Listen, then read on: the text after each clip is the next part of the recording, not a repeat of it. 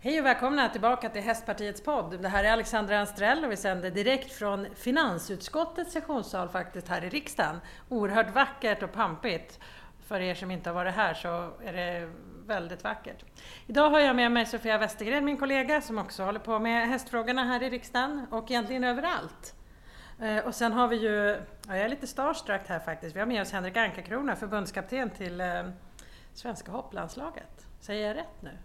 Eh, helt korrekt. Aha. Ja. Vad kul att du är med oss! Ja, jättekul att vara här och jag på tal om starstruck, att sitta här i, i den här salen är ju helt enormt fantastiskt fint. Um, ja. ja, vi har det bra här, men vi har inga hästar här. Nej, lite för lite. Men ja. de hade inte mått så bra här inne ändå. Nej, det är Nej. sant. Ja, vi får försöka jobba för hästarna i alla fall. Du, roligt att du är här. Jag tänker, kan inte du berätta, vem är du förutom eh, det man har liksom sett på TV? Absolut. Um, som sagt Henrik Ankarkrona, eh, trebarnspappa i eh, 42 år gammal, snart 43. Eh, har förflutet, eh, uppvuxen på bondgård.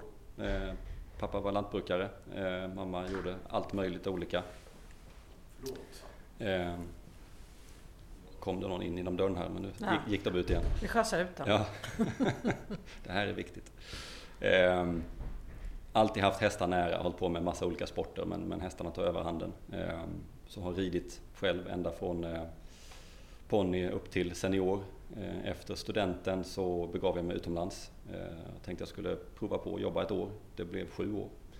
Ehm, skapade mig ett fantastiskt kontaktnät och mycket kunskap i eh, Holland och eh, Tyskland. Och vad jobbar du med då? Alltså som, som ryttare, som ryttare. Ja, ja, tävlingsryttare och höll på mycket med unga, unga hingstar. Eh, red eh, hingstprov och hingstvisningar. Eh, men, men framförallt som tävlingsryttare. Eh, och sen också lite mer ansvarig för, för, för stallet samtidigt som jag, jag tävlade och fick chansen att tävla på allra högsta nivå. Eh, som var fantastiskt. Möjlighet för mig. Och sen eh, flyttade jag hem och började jobba på Flyinge. Mm. Var det därför du flyttade hem eller flyttade du hem ändå? Eller? Nej, jag kände väl efter, eh, efter sju år som det blev, 98 till 2005, så kände jag väl att det finns ändå något mer än, än att tävla 47 helger om året tror jag jag gjorde.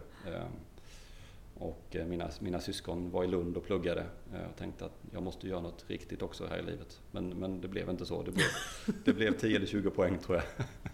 lite handelsrätt, vilket var väl nyttigt. Eh, men sen så eh, hade jag sadeln i bakluckan så jag körde runt och red i olika stall. Alla, många ringde. Och sen fick jag frågan från Flyinge Kungsgård om att komma och de hade en, en, en öppning, eh, behövde fylla en, en ryttarplats. Mm. Och det var ju med Peter Eriksson då och Susanne Gilen som dressyrryttare. Så jag hamnade där och var där i några år och sen byggde upp min egen verksamhet eh, vid sidan av och eh, sen tog den överhanden. Ehm, och byggde upp då, eh, utbildade mig till tränare eh, samtidigt som jag hade elever och, och eh, tävlade mycket, utbildade hästar och, och, hade en del elever. Och sen 2016 så ringde det från Ridsportförbundet och frågade om jag ville vara intresserad av att ta över förbundskaptensjobbet. Vilket ju var en blixt från klar himmel. Det var ingenting som jag hade tänkt mig. Ja. Eh, men, men eh, jag gillar utmaningar och, och jag tror det är väldigt viktigt inom säkert inom alla branscher men framförallt vår att jag kan inte, det är svårt att förlita sig bara på tiden i sadeln därför jag som, hade, som jag sa utbildar mig till tränare och annat att, att ha fler ben att stå på. Eh, och efter kort betänketid tänkte jag att det här är något av det häftigaste man kan, kan mm. göra. Och en väg in i kanske någonting annat även om det är hästrelaterat. Eh, så, så att eh, jag tänkte vi, vi, vi provar, ser hur det går. Vad innebär det då att vara liksom förbundskapten? Ja, jag får den frågan jättemånga gånger. Det är så olika. Jag hade någon reporter som sa, kan inte jag få följa med dig en dag? Så, jo, fast om jag ska visa upp vad jag gör, då får du hänga med mig i två veckor. För det är så mycket olika grejer. Eh, allt från och hamna här i, i, i den här salen i, på riksdagen så vi är helt galet egentligen. Eh, till att resa såklart väldigt mycket. Mycket tävlingar, eh, mycket kontakt med ryttare, eh, bygga landslag, ehm, skapa förutsättningar för ryttarna att kunna prestera. Ryttarna och deras team. Ehm, och sen är det ju väldigt mycket eh, kommittéer och utskott och, och eh, inom Svenska Ridsportförbundet. Eh, jag har även engagerat mig väldigt mycket internationellt. Jag sitter i, är faktiskt vice ordförande i FEI, alltså det internationella mm. ridsportförbundets mm. hoppkommitté. Och sitter även med i det europeiska förbundets kommitté för förhoppning. Mm. Så att jag har ganska stort engagemang internationellt också. Mycket spännande. Väldigt spännande. Ja. Men apropå internationellt och, och, allt det här. Det var ju en fantastisk eh, eh, syn för oss som var hemma i somras när ni vann eh, OS-guld. Eh, hur, hur ser resan dit ut egentligen? Ja, det beror på egentligen vilka ögon man, man, man tittar ur. Om ja. man tar ur ryttarnas ögon så är det ju en process eller en resa som börjar långt, långt eh, tillbaka egentligen. Eh, jag tror att många har en dröm om att rida ett OS och sen så är det väldigt, väldigt få förunnat att ta sig dit såklart. Ehm, så det, en, det, kan man ju prata om hur länge som helst, mm. hur de bygger upp sina team och hästanskaffning och, och kunskapsinförskaffning och, och allt, allt som kommer till. Ehm, om man, om man tar själva OS så kan man säga att, att resan börjar fyra år innan ungefär. Man börjar, så fort ett OS är slut så börjar planeringen för nästa OS. Även om man inte ens har kvalat dit. Jag började ju då ganska direkt efter Rio i november ungefär 2016. Och eh, jag kommer ihåg att något av dem, det var mycket att lära sig i början, men jag vet att jag var på eh, SOK, på Svenska Olympiska Kommittén och fick träffa deras eh, sportchef som har hand om hoppningen och det började diskuteras mycket mot Tokyo jag tänkte men hallå, det är ju fyra år tills dess, nu får ni väl ändå ge er. Men när man nu tittar tillbaka så, så jag förstår verkligen eh, hur mycket det är. Eh, logistik, eh, det, är inte bara om vi gör ett mästerskap med bara hoppning, då är vi ganska trygga i allting och det är ju bara vi. Men, men vi är ju en, en liten del av ett otrolig organisation för att eh, ta oss ända, ända till till ett OS. Så det är mycket logistik och mycket planering och mycket förberedelser. Så nu är ni halvvägs, in, halvvägs till Paris? Så jag är ju otroligt glad att jag fick nästan fem år på mig till Tokyo för nu är det ju, är det ju bara tre år, eller ja. ja det är ju bara två år faktiskt eh, nu till, till, eh, till Paris men det var ju tre år efter eh, Tokyo då. Så att det, det, är verkligen mycket som händer redan, många deadlines mm. som var redan i höstas för Paris. Det låter ju helt galet men, ja. men organisatoriskt. Och, och, jag som sitter med då i internationella förbundet, regelverk och allting mot i, IOK, alltså internationella olympiska kommittén, det, det klubbas ju redan nu. Mm. Eh, så att det, det, det, går så fort så att man hinner inte blinka. Men den här spöincidenten då som var på OS, eh, är det något som man diskuterar internationellt nu? Huruvida man ska använda sig av spö eller inte och varför och, och så? Absolut. Ehm, det Ska vi ju... göra en presentation först, vilken spöincidenten ja. var, vad, vad det innebär? Gärna.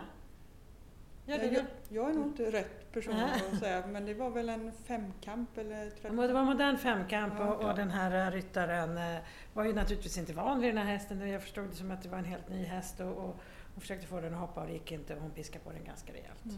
Ja. Var det en bra Precis. sammanfattning?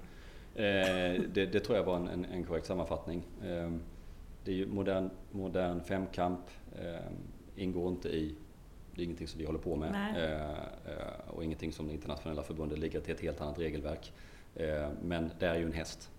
Så det är ju, det är ju, det är ju samma ändå. Mm. Eh, men, men det finns många omständigheter som, som är väldigt utmanande för de här ryttarna som ju inte är lika vana ryttare som, som våra, våra som håller på hela tiden.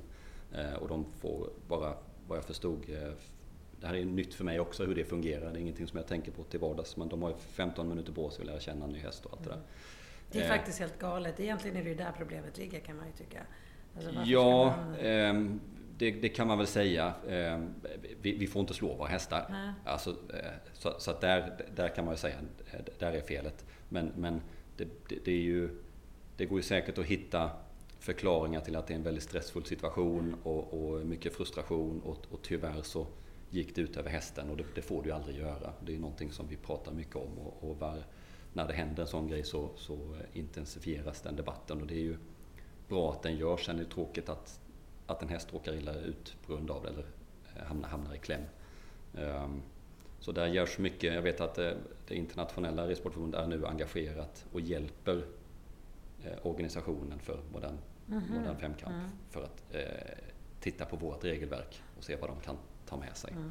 Nu tror jag till och med att eh, hästarna kommer tas bort från eh, modern femkamp. Kanske är det bästa eh. Paris, de kommer vara med i Paris men sen till Los Angeles då som är OS 2026, nej förlåt 28. Paris är 24, Los Angeles 28. Då kommer inte längre hästen vara, vara med i modern femkamp. Mm. Mm. det händer jag, grejer. Ja, men det är bra. Så det händer grejer mm. eh, och det är positivt. Jag tror att det är ju så med hästen, vi, vi har tagit oss, oss rätten att använda hästen på det sättet vi gör och med det kommer ett otroligt ansvar. Eh, och det är någonting som vi jobbar väldigt mycket med. Eh, så att det är viktigt att de här frågorna lyfts. Att hålla på med hästar, det sägs ju skapar ett enormt bra ledarskap. Jag ser i många ledande positioner, framförallt kvinnor som kommer från stallet, som har man gjort undersökningar kring, som sitter som VD eller styrelseordförande har sin bakgrund i stallet. Jag tänker, nu är du förbundskapten för ett gäng ledare. Är det lätt eller svårt? Alltså krockar man och hur löser man konflikterna? Ja, eh, man försöker lösa konflikterna innan de uppstår eh, i allra högsta grad. Men som du säger, det är ju eh, de här eh, elitryttarna, eh, högpresterande idrottsmän och kvinnor, eh, är ju också företagare och de har sin verksamhet hemma de allra flesta, en del är eh, anställda men våra ryttare är i stort sett utslutande eh, sina egna. Mm. De har en otrolig press på sig att, att få sina företag att, att snurra runt, att betala sin personal. Att det är ofta hela familjerna som är engagerade, att det är där som är häst, hästnäringen är, är deras inkomst. Mm.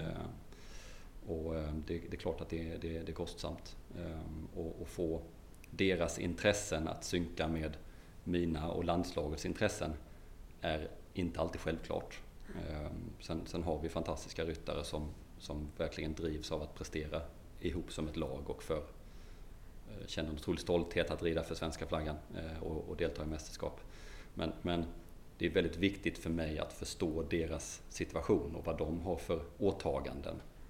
Ehm, om jag inte gör det så, så kommer vi tappa varandra. Och, och ehm, för mig är det väldigt viktigt att vara vara ryttarna nära och de måste känna att allting jag gör är för att hjälpa dem att nå framgång. För att i slutändan så är det deras framgång som är vår framgång.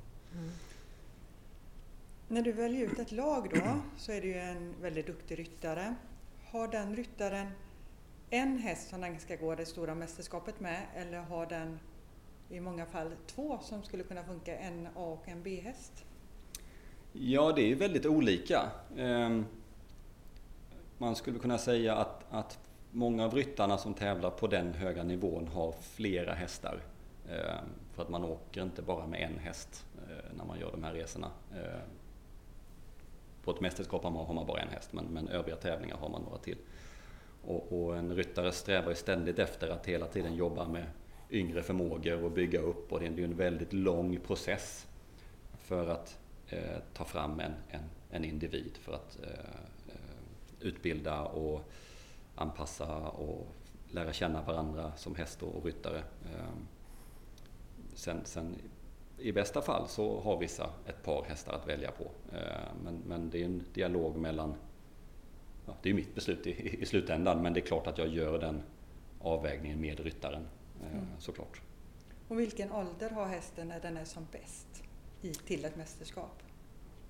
Ja, man skulle väl kunna säga 9 eller kanske till och med 10, men, men säg 9 upp till en 14-15, eh, men de kan också vara upp på 16-17 till och med. Eh, det beror på hur alla individer är olika såklart. Och, eh, men någonstans där skulle jag säga att de har sin peak. Ja, ungefär under fem års tid kan man tänka då? En det, normal häst? Ja. Det är rimligt, ja. Mm. Hos människor då? Finns det någon average peak. Hos människor i stort eller Nej, vi pratar ryttare nu? Ja. ja, det var, var skönt. För det andra har jag inte kunskap att uttala. Nej, det inte jag heller. Eh, nej, men det är fantastiskt med, det, det är en otrolig sport som, som vi, vi, vi har förmånen att få, få vara engagerade i. Med, eh, för det första män och kvinnor som tävlar på samma villkor, eh, även åldersmässigt. Eh, vi är ju, det krävs eh, otrolig balanskoordination eh, och en, en, väldigt bra grundfysik eh, för att kunna fokusera och, och det är mycket, mycket med andning och mycket med eh, ja, koordination och balans som jag sa. Eh, men, men eh, muskelstyrkan och, och ut, eh, om man tar flås, det har vi såklart men det, är, det går inte att jämföra med en, en längdskidåkare eller vad vi egentligen behöver. Eh, så att, så att våra, om vi tar hand om oss så, så kan vi hålla på mycket längre. Eh, det är inte alla förunnat, skador ställer ju ofta till det. Även inom vår sport för det är ett otroligt slitsamt liv. En ganska farlig sport. Och en farlig sport. Mm. Men, men vi har ju fantastiska exempel på många som kan hålla på länge. Och det är klart att så länge kroppen håller och man kan hålla sig vältränad så erfarenheterna byggs ju bara på. Jag brukar säga oavsett om man vinner eller förlorar en klass så har man vunnit en erfarenhet. Ja. Ehm, så det är klart att de här, tar Rolf-Göran Bengtsson till exempel som, som fyller 60 år tror jag. Ehm, den erfarenheten han besitter den, den, den ju, kan man omöjligt köpa eller ha som en, en 20-åring. Sen, sen, har vi ju fantastiska 20-åringar också. Men, ehm, det, det, det, är svårt att konkurrera med den erfarenheten. Mm. Så är det. Och den, de, alla de åren att bygga upp sin verksamhet och sitt kunnande och sitt varumärke. Och, och ja. Hur tränar man då? Man pratar mycket om att man ska hålla hästen i form och den ska vara vältränad och så vidare. Hur stor del eh, lägger då en OS-ryttare på sin egen träning? Är det någon speciell diet man kör inför? Tänk, man pratar mycket, du jämförde med längdskidåkning. Ska man köra ett Vasalopp och man ska kolhydratsladda och hela den biten. Hur gör man inför ett eh, hopp-OS? Nu eh, tog jag, jag, jag, vill bara ha, ha sagt till alla som lyssnar att jag har ingen kunskap om längdskidåkning eller nej, nej, men, sporten, men, men, men, det är klart att det är otroligt vältränade individer som, mm. som och det, det, är vi också men någonstans så handlar det om vad, vad, vad behöver vi? Mm. Vi vill inte vara vi vill inte vara för tunga. Vi, vi ska egentligen vara så lätta som möjligt eh, men, men ja, ändå, ändå vältränade, välmående. Det handlar om det har hänt väldigt mycket sista åren, måste jag säga. Ehm, nu, jag brukar ta det som, som exempel för 20 år sedan om man var på en tävling, man bor på hotell, man är på gymmet på hotellet, där var nästan inga ryttare. Om du går nu, nu kan du gå vilken tid på dygnet som helst så finns det eh, aktiva som är och, och tränar. Mm. så man lägger mycket tid men det handlar mycket om ja, benbål såklart, mm. eh, rygg, eh, men också eh, kondition och, och, det handlar mycket om skadeförebyggande. Mm. Stretching. Ja. Nu eh, har vi ju ett guld här och, tala lite grann om, tänker jag.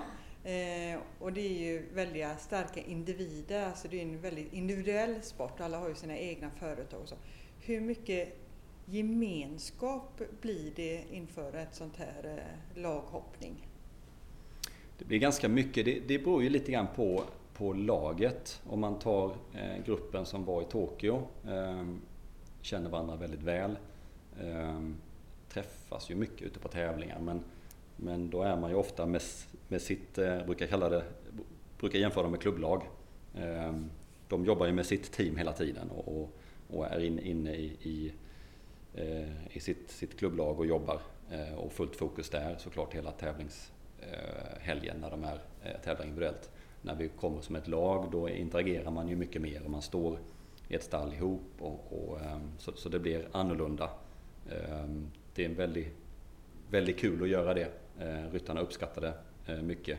Och som sagt, de känner varandra så väl så att det blir nästan roligare när man inte har träffats på ett tag än om man känner att nu ska vi köra en vecka ihop här. Det, det, det finns inte behov av det just nu, men sånt ändras hela tiden och det beror ju på sammansättningen i gruppen.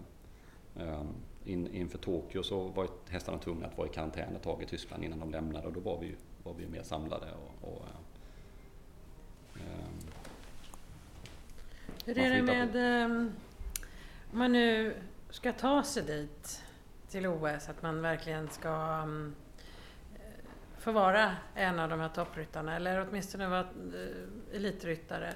Vad har du för tips eh, till eh, de som lyssnar? Och behöver man vara liksom, eh, ha en påse full med pengar? Precis, det är ju, det är ju äh, ingenting att sticka under stol med att det, hålla på med hästar är kostsamt. Mm. Äh, men det, det, det, är en missuppfattning där vill jag påstå. Äh, om vi tittar på, på våra allra bästa ryttare idag, de har inte börjat med en stor påse pengar. De har börjat med ett, det har funnits ett otroligt intresse, ett otroligt driv och de älskar hästar och tycker hästar är det bästa som finns. Och de har ro, haft roligt. Eh, jag tror att det är egentligen det det handlar om. Mm. Det, är inte, det är klart, ska du slå dig fram som tävlingsryttare och bygga upp en, en, egen verksamhet, det är klart att du behöver hitta finansiärer. Mm. Eh, hästar är dyra. Eh, utrustning är dyrt, foder, all, allting. Det är klart att det är så.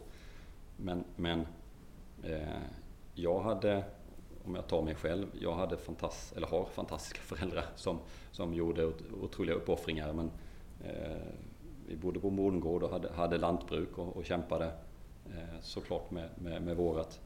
Um, men, men jag fick ett väldigt stöd eh, och sen när jag tog när jag tagit studenten då, då fick jag ju söka jobb någonstans för mm. det, det, var min möjlighet att ta sig vidare och då hade jag ju kunnat skapa tillräckligt med, med kunskap för att kunna ta mig vidare och söka ett jobb och då får man ju börja från botten. Mm. Så är det ju. Då får man börja i ett stall någonstans och man kanske får börja med att mocka eller eh, någon gång få rida en häst eller man får rykta. Och, men är man beredd att lägga, lägga det engagemanget så, så kan man ta sig precis lika långt som våra allra bästa ryttare idag. Mm. Men man må, behöver vara... Det är väl det som är det intressanta. Att, man måste vara en duktig ryttare såklart. Man måste mm. skaffa sig den kunskapen. Men man måste också kunna ha eh, för, företagsbiten. Man måste kunna promota sig själv. Man måste kunna... Eh, man måste vara en entreprenör också. Eller mm. i alla fall ha sådana personer runt om sig för att kunna skapa, skapa det här. Så man behöver läsa lite ekonomi och lite företags... Eh, det tror jag är jättebra att göra, absolut. Eh, det kan vi rekommendera alla att antingen skaffa den kunskapen själv för då vet du att då kan du ha kontroll eller så får du ha personer runt om dig som kan bistå med de, grejer, med de, de kunskaperna. Mm. Eh, så, så det, det, det, är ett lagbygge kan man väl säga. Men, men det finns egentligen inga begränsningar vill jag påstå och det tycker jag att våra bästa ryttare är ett fantastiskt exempel på. Gud vad härligt, eller hur? Mm. Hur, hur ser branschen ut just nu? Har vi det här nya guldgänget, är de, fylls det på med nya talanger underifrån eller ser Hela man att det tiden. växer eller minskar eller vad, vad tror du? Vad ser du? Jag tycker det ser, framtiden ser otroligt positiv ut. Ehm, det här framgång föder framgång, eh, tror jag stenhårt på. Eh, det, det, skapar ett otroligt engagemang. Eh, det är otroligt roligt att höra eh, efter Tokyo med många personer som aldrig har tittat på ridsport som har sett det, kommer fram och säger oh det var helt fantastiskt. Det var någon som kom fram och sa oh, oh helt eh, uppe i gasen. Det var som, det var som eh, höjdhopp fast det var flera höjdhopp och det var på tid.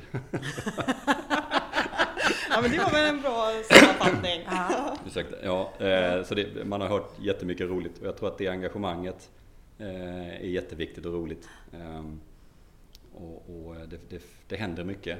Vi hade Ehm, om man tittar redan på lite högre nivå fast på, på yngre. Vi hade stora framgångar i helgen eh, med ett ponnylag och ett eh, children-lag. Eh, children då är man mellan 12 och 14 år som vann lagtävling nere i Österrike. Så det händer mycket och det engagerar och jag tror att, som jag pratade om lite grann, att om man tittar på resan som våra ryttare har gjort och, och, det var under ett tag så var det kanske bara Rolf-Göran Bengtsson och man tänker oh, men det är ingen annan som kan ta sig dit. Och nu är det ju ett helt gäng som är där.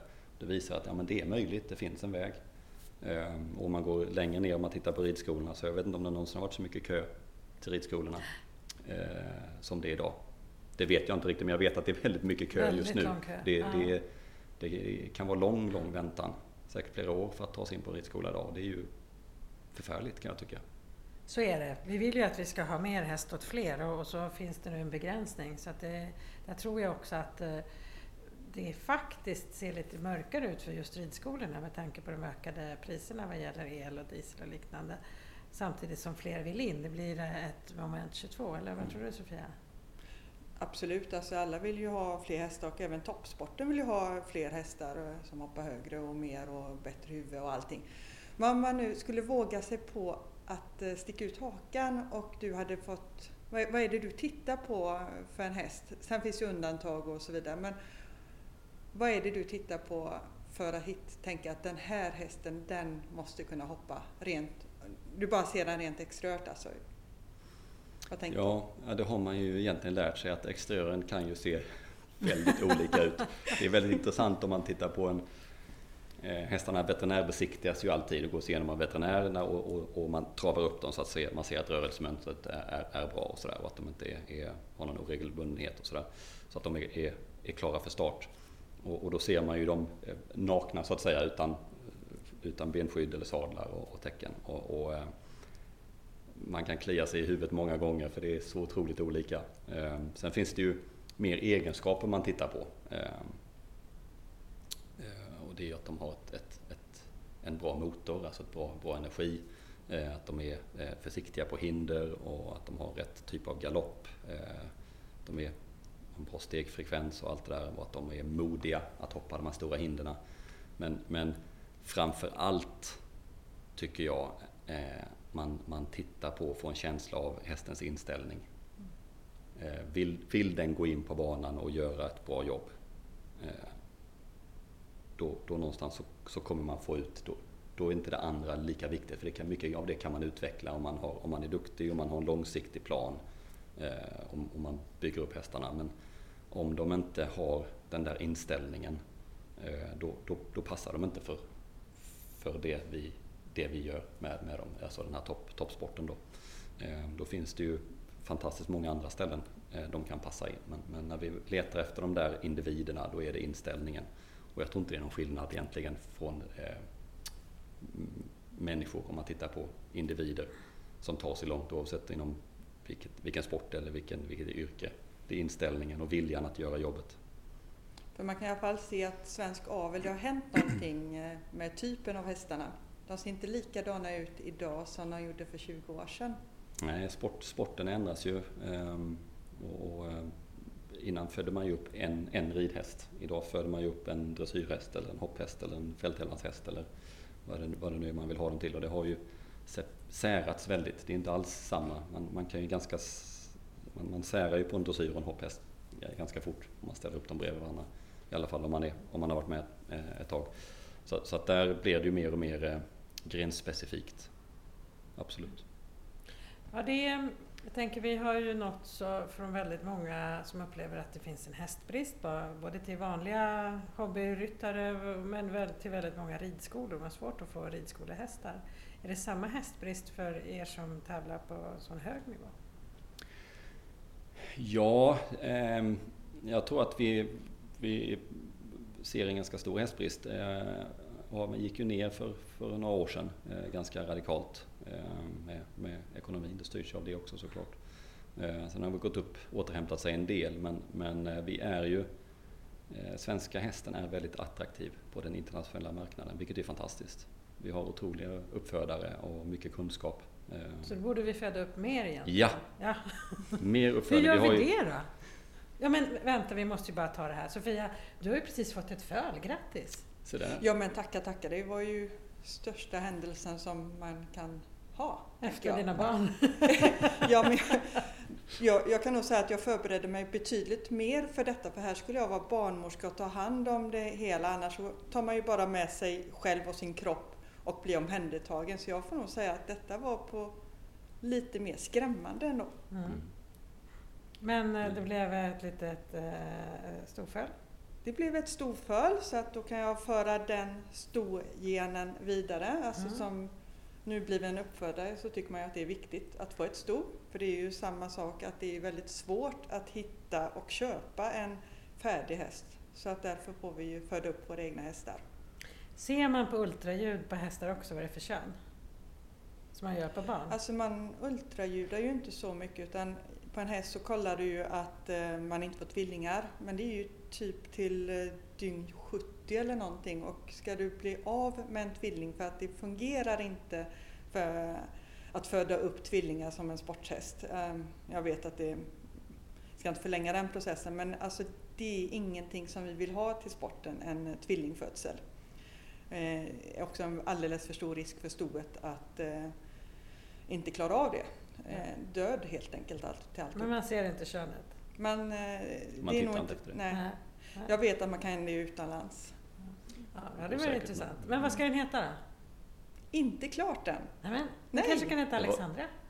Ja, jag för in detta här till våran lilla del här. Ja. Så är det någon som har någon perfekt namn så får de inkomma med det till Hästpartiets eh, Instagram eller Just Facebook. Det. Och det är en ja. liten brun med stjärna. ja, efter All Star 5. Så Ja. jag tänker att någonting med stjärna borde det ju ändå bli. Just det. Mm, ja, vi får fundera. Kom in med förslag helt enkelt. Födde du upp hästar Henrik? Nej, min, min mamma har gjort det och min svärmor har gjort det. Eh, och vi drev, min fru och jag drev verksamhet eh, under ett tag och, och hade ett par avkommor. Men vi har ingen, nu, är, nu är det ponnyer som gäller för, för barnen. Ja, just det. Ja. Gud vad roligt. Vi har en, en, en, en eh, ponnyhingst så vi kanske kan eh, avla lite grann. Ja, Men, eh, nej, men ett, ett, eh, absolut ett, ett stort slag för våra fantastiska uppfödare i landet. Eh, De, eh, jag sa att framtiden ser ljus ut om man, om man tittar på sporten och, och vi får uppmärksamhet och allting. Men det är klart att det finns eh, stora orosmoln eh, moln med eh, kostnadsökningen som, som står för dörren. Och, och, eh, det, det är tufft. De, har, de gör ett fantastiskt jobb och de är viktiga. Men det är en, stora utmaningar eh, som de står inför. jag förstår. Det finns ju mycket man kan eh, försöka bestämma om och hur det ska liksom bli bättre. Och, och jag tänker, nu sitter vi ändå här i riksdagen. Vi sitter alldeles bredvid Rosenbad där regeringen sitter. Eh, om du vore minister och ansvarade för hästfrågor, har du något som du känner att det där skulle jag bestämma för att förbättra för Sveriges hästnäring?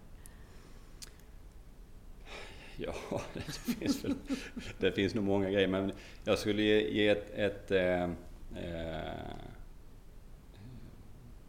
hur ska jag uttrycka det? Eh, jag, jag vill slå ett slag för ridskolorna. Mm. Jag, vill, eh, jag skulle vilja se till att de får bättre förutsättningar. Eh, det är ofta väldigt gamla slitna anläggningar som inte, eh, inte håller måttet eh, längre.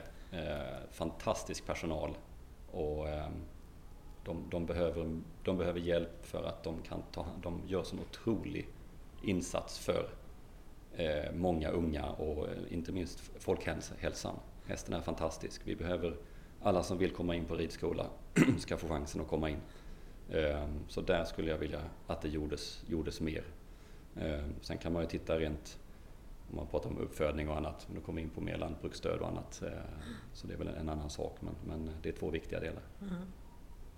Just de här frågorna ska vi faktiskt diskutera eh, 18 maj när vi har hästriksdag här i riksdagen. Vi försöker få fram massa bra förslag som vi faktiskt kan göra för att förbättra. Problemet är ju det är en del nationellt, en del regionalt och och en del på kommunnivå. Eh, En del saker behöver inte vara så svåra, tänker jag. Det finns bara, alltså, man, det behövs finnas en vilja. Mm. Tänk bara ehm, Eva Bergström som var med på vårt se- seminarium nu på morgonen. Hon har jobbat jätteduktigt i Värmdö kommun för att ordna med ridvägar. Enormt bra förebild. Och, och så tänker man i många andra kommuner, de är inte alls så bra på det. Det är ändå... eh, Kan man inte bygga ridhus kan man åtminstone se till att vara, fixa lite ridvägar. Mm. Eller, det behöver inte alltid vara en fin ridväg, man behöver bara få möjligheten att rida. Ja, ja. Så att Nej, det- så där finns, det finns jä- jättemånga olika plan. Vi har ju också våra riksanläggningar som gör ett, kan jag tycka, ett eh, na- nationellt intresse att hålla dem vid liv. Eh, Det är fantastiska ehm, eh, anläggningar som, som eh, gör väldigt mycket för sporten men för hela hästnäringen. Ehm, Där fler, fler kan få chansen att utbilda sig inom vår fantastiska eh, näring. Mm. Men de är lite olika profilerade. Strömsholm, Flyinge och Ja, Vången. Ja, Eh, Vången har trav och islandshäst. Ja. Och Strömsholm, ridlärarbiten mest. Ehm, eh, Och sen så Flyinge som ju är eh, eh, också utbildning och gymnasie och samma som Strömsholm såklart men, men eh, även lite mer sport och avel. mm. fantastisk sport det här. Det var där eh, det här Fölungen blev producerad då, förra året. Flyinge. På Flyinge ja. Ja. Spännande. Ja. Ja. ja, vad mycket det finns hörni. Och tiden springer iväg. Vi har ju pratat jättelänge här. Det här är så fantastiskt. Vi kanske ska spela in podd hela dagen.